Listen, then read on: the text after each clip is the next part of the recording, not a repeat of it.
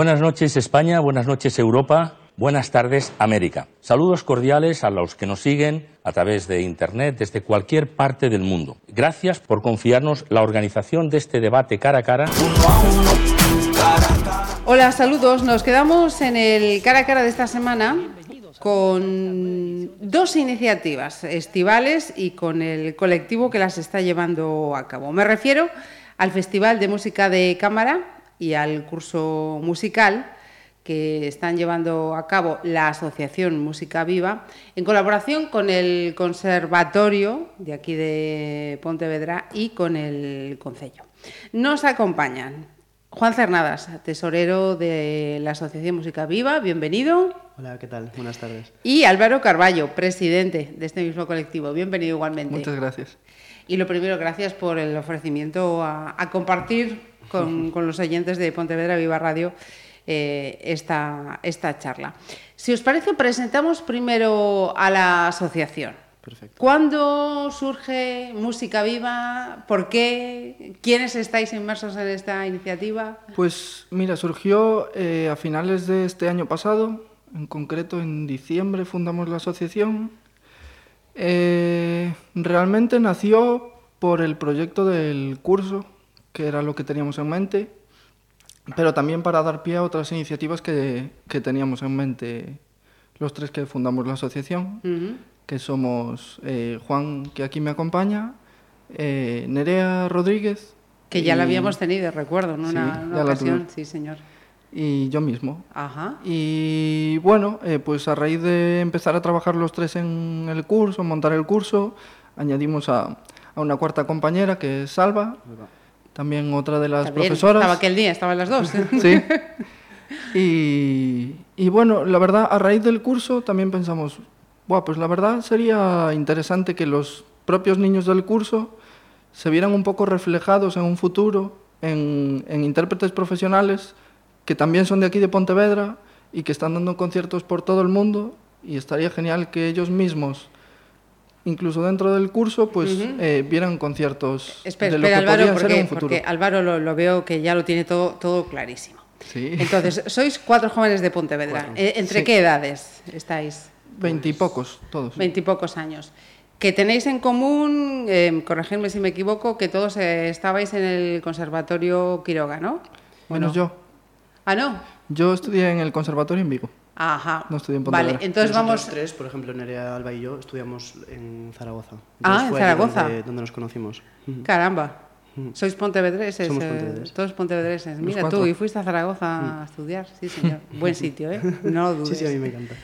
Eh, entonces, los cuatro con estudios eh, superiores de Sí. música. Ese es el, el nexo de unión. Que decís, mm, vamos a montar este colectivo para hacer iniciativas, digamos, eh, que ayuden, que sirvan a otros más pequeños que también se han iniciado en, en la música clásica. Bien, eh, estas entonces, eh, este lunes 9, eh, digamos que os habéis estrenado con, con este curso eh, musical Manuel Quiroga. Manuel Manuel Quiroga. Quiroga. Contadnos, eh, que ya lo contamos en Pontevedra Viva, pero recordadnos eh, en qué consiste y quiénes están participando ya. Pues a ver, en este curso nosotros hemos puesto pues eh, cuatro días, ¿verdad? Sí, son cuatro días. Mm. Y nosotros pues hemos dividido eh, el curso completo pues en diferentes niveles. Ujú. Tenemos el nivel medio, el básico y el avanzado. Entonces, pues los niños por edad o por nivel de estudios, pues los hemos pues encasillado en determinados niveles, ¿vale? Ujú. Normalmente las asignaturas que nosotros damos son siempre casi todas las mismas en esos grupos, pero adaptadas a diferentes niveles. Eh, por ejemplo, te comento un par de asignaturas que damos. Mira, yo doy dominio escénico, Ajá. ¿vale? Que eso consiste un poco en, en cómo tú te enfrentas al escenario, como, como músico, cómo entras en el escenario, cómo te presentas al público, y porque muchas veces nos pensamos que la música que tocamos es lo más Ujú. importante, pero también la presencia y, y cómo nos comportamos encima, eso también es muy importante. Luego trabajamos, pues, por ejemplo, miedo escénico, que también es otra, otro punto, porque controlar los nervios en un escenario Ujú. normalmente muchas veces nos juega unas malas pasadas. Y a partir de ahí, pues otras asignaturas pues más teóricas, quizás, como Sí, hábitos ¿no? de estudio, afinación, eh, armonía. Hay algunas asignaturas que nos eh, como que nos compenetramos en el mismo grupo para poder trabajar diferentes ideas, porque a veces los grupos son muy grandes y es mejor dos personas, Sí. quizás. y- Eh, al final, perdón, ¿cuántas personas han, están tomando parte del, del curso? Son eh, 24 tenemos al final. Ah, Eh, bueno, está bien, ¿no? es un Para buen ser número, una yo creo. primera ocasión. Sí. ¿Y Sí. edades? Pues entre 7 creo que son los más pequeños y ¿Y 16 los mayores, que 17? tienen los O mayores. 16, 16. Sí, 16. 7 a 16. Claro, lógicamente esto requiere, como decía Juan... Bueno, están divididos en tres niveles. grupos, Sí, pero, sí.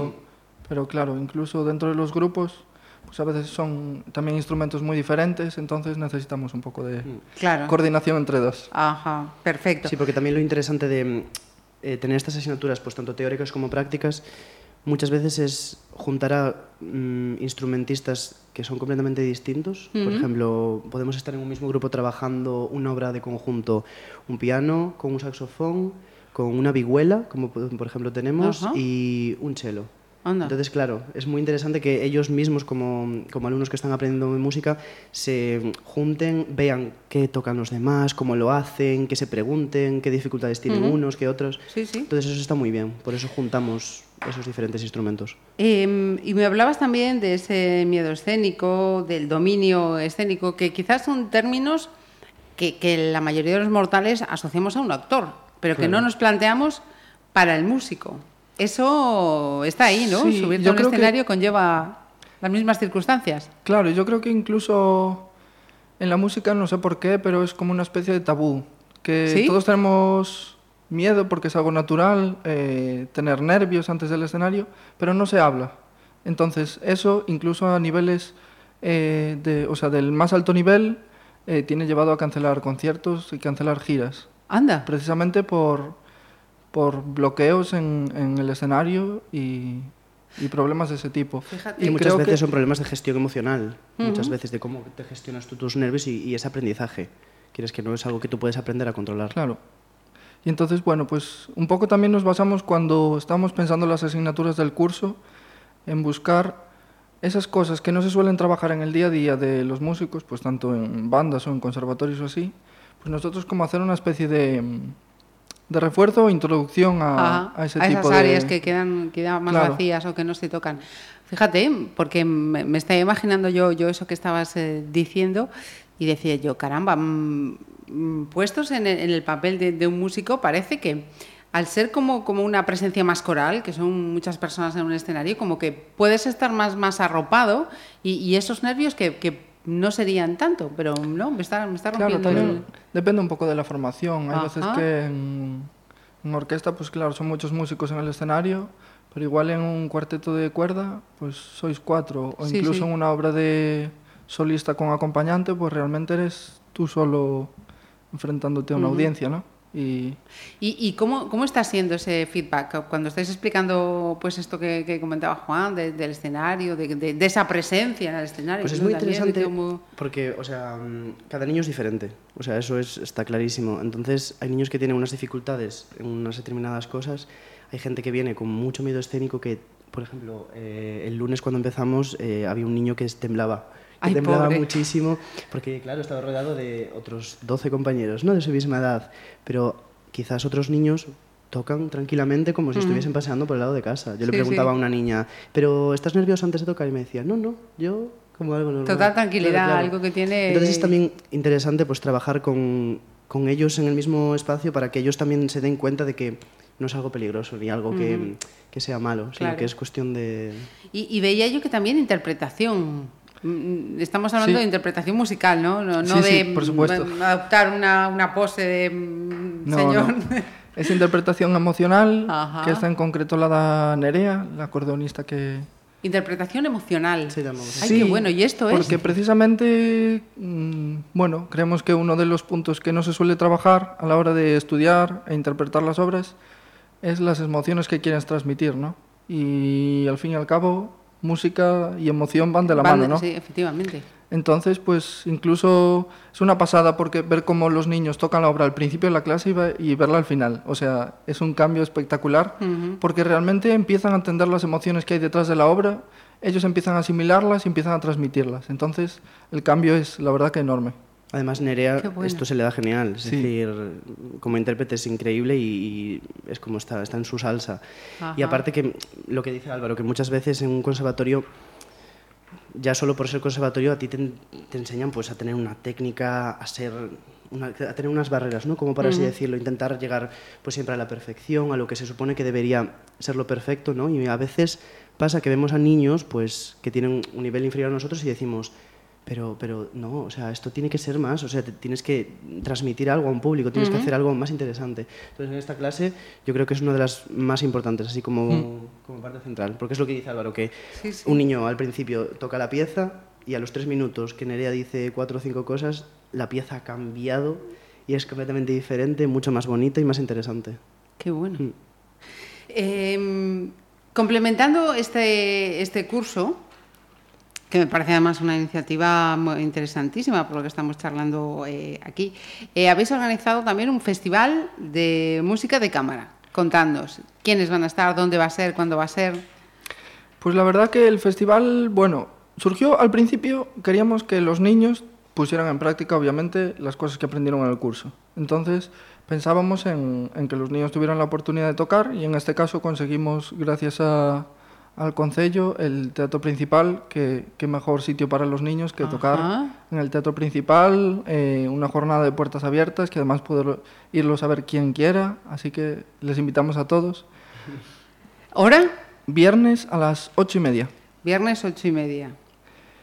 Y bueno, em, una idea que teníamos también es que también nosotros como, como profesores y como, como músicos profesionales, pues veíamos que, claro, que parte de, ellos, en concreto Juan y, Nerea o Alba y Espiro, eh, tenían eh, dúos que, claro, estaban dando conciertos por todo el mundo, o sea, tienen conciertos, eso, literalmente por todo el mundo, pero aquí tampoco tenían demasiada visibilidad. Entonces, pues parte surgió eh, para dar a conocer también eh, estos intérpretes increíbles que están dando conciertos por todo el mundo y tener la oportunidad, pues nosotros como pontevedreses y ellos como pontevedreses, dar a conocer lo, que, están haciendo por el mundo. Fíjate que me parece muy importante eso, eso que dices, Álvaro, porque yo mm, cuando estaba preparando esta charla decía, em, teniendo en cuenta, como dices tú, que están actuando por todo el mundo, eh, que son pues desconocidos lamentablemente para, para una buena mayoría de, la ciudadanía, si no la, si no la inmensa. Si nos ponemos en la tesitura de que estos eh, dúos, tríos, cuartetos, eh, X, en vez de hacer música clásica, hiciesen pues música indie, música pop, música rock, seguro que estábamos hablando de otra circunstancia, ¿no? Qué injusto. Eso es verdad, eso es verdad. No es la primera vez que me preguntan esto y siempre me cuesta muchísimo responder porque es como el tabú, ¿no? La música clásica, pues que es para la, para la gente mayor, ¿no? Como por así decirlo, y no. Es decir, mmm, debería ser muy interesante para, para las personas como mm, parte de su cultura, ¿no? Eh, al igual que a una persona le puede gustar un cantante pop, pues véase Justin Bieber o Lady Gaga, mm, un concierto de música clásica debería de ser interesante. Y tenemos la desgracia que muchas veces no llega a tanta gente. Es decir, y tenemos que muchas veces a lo mejor un, intérprete que es increíblemente famoso sí que llama la atención y a ese sí que lo vamos a ver, pero es tan lleno, o sea, Galicia, España en general está lleno de músicos increíbles, muchas veces no se le da tanto el valor. Como que la gente no... Yo creo que tenéis ahí mucho, mucho trabajo todavía, no, no, ya que hacer, sino que incluso empezar, ¿no? Porque yo, lo más cerca que te puedes mm, a la música clásica quizás sea en el, en el cole y no precisamente resulta demasiado, mm, vamos a decir, placentero, ¿no? Como para que te, que te enganche, que tiene que haber algo en tu casa, en tu familia, o que el niño o la niña tenga una curiosidad por un instrumento. Empezar en realidad desde la gente pequeña siempre es lo básico, ¿no? Y por ejemplo en el curso lo que decía Álvaro es que hacemos el final de, el concierto final de- de- del festival es para que ellos toquen, pero que puedan tocar de verdad en un escenario real y, y de público real. No es que sean las audiciones del conservatorio Claro. o el concierto del profesor y toquen delante de sus amigos. No, es gente real que vaya Sí, a escucharles, sí. es decir, gente de la calle. Mm. Pero es cuestión de trabajo de visibilidad, más que Claro. nada. Y de trabajar la música clásica, Álvaro. Y nada, la verdad que eh, este año somos, yo creo que muy privilegiados, porque para los conciertos tenemos tanto el teatro principal, que es el concierto de los niños, como el convento de San Francisco, Ujú. lugares privilegiados para, para ambos conciertos. El del concierto de San Francisco, eh, San Francisco, hemos dicho... Pues lunes y jueves eh, a las o sea, el 8 y primero fue el lunes. nos el queda el del del jueves. Mm. Ujú. Y el del jueves es el, el nuestro, el del dúo Sistra. Ajá. Es, ah, nosotros eh, al, al formar estos dos dúos y estos dos conciertos los quisimos hacer pues de manera bastante distinta. Por ejemplo, el dúo Esgedón que tocó el lunes tiene un programa pues centrado en cómo contrastar pues eh, música de Galicia o música de España y también obras que son de, Gre- de Grecia. Ajá. Porque el clarinetista es griego y Alba pues es gallega. Sí. Entonces su, su repertorio está basado en el contraste. Y nosotros, por ejemplo, eh, mezclamos pues en nuestra segunda parte obras de Piazzolla, que quizás es... Néstor Piazzolla, qué sí, bueno. Compositores quizás un poco más modernos, Sí. ¿no? Pero también tenemos obras de Bach, que es Astor, un he compositor... dicho Néstor. Astor, Astor. Astor. Piazzolla. Es que estaba diciendo yo, juraría que he dicho Néstor en vez de no, Astor. no, lo dijiste Perdón. bien. Y Bach, pues que a lo mejor es el compositor más antiguo que tenemos. Y Mm. al mismo tiempo mm, vamos a presentar, creo, aquí. Ajá. Espera, sí. Vamos a estrenar en Galicia nuestra mm, propia obra que nosotros compusimos, que se llama X1, y va a ser pues repertorio de músicos gallegos, ¿no? Porque es Ajá. nuestra propia obra. Pero bueno. entonces como mm, nos parecía interesante meter todos estos tipos de repertorio para que nuestros alumnos también, que nos van a venir a escuchar y Vieran todo eso. sean. Y hemos dicho jueves, ¿a qué hora? a las ocho y media. Ocho y media también. Y el convento San Francisco, que es el que está aquí al lado de la herrería, ¿no? Sí, sí, sí. Eh, fíjate, hablando de, de eso de la música clásica, decía eh, Juan, es, no es música para mayores, es música para todos. Vosotros que sois eh, músicos profesionales, yo es que, si os fijáis en la, en la foto, veis que profesores, eh, músicos profesionales, ¿verdad? Ya se nos va la cabeza y de repente veo, vemos dos chicos tan jóvenes. sí, sí. Pues sí, es, es así. Eh, ¿Un mito o no mito?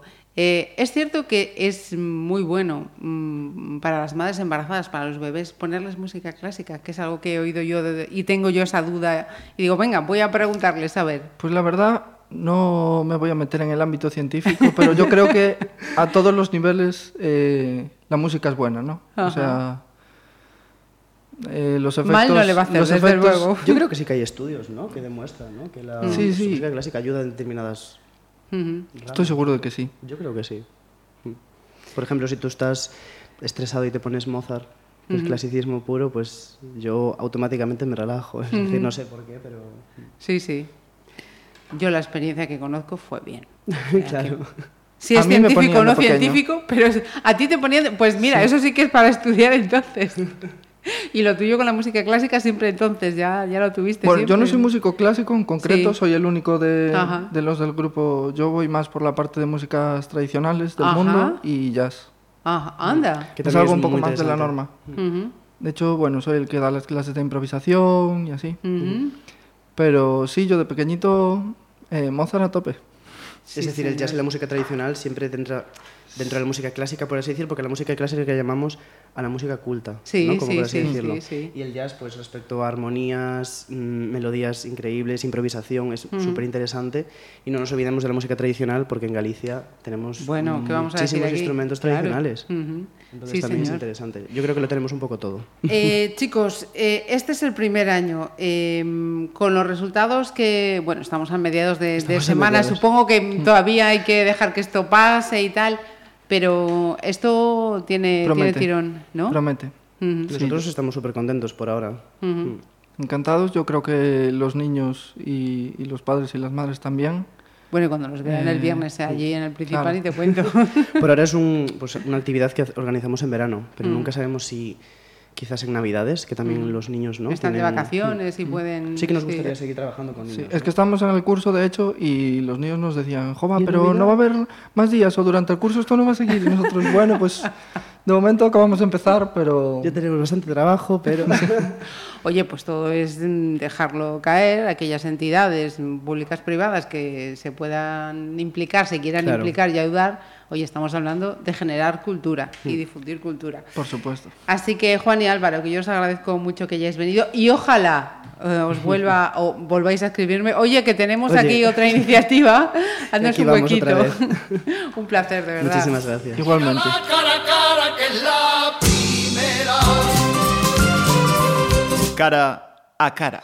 Pontevedra Viva Radio. Oh.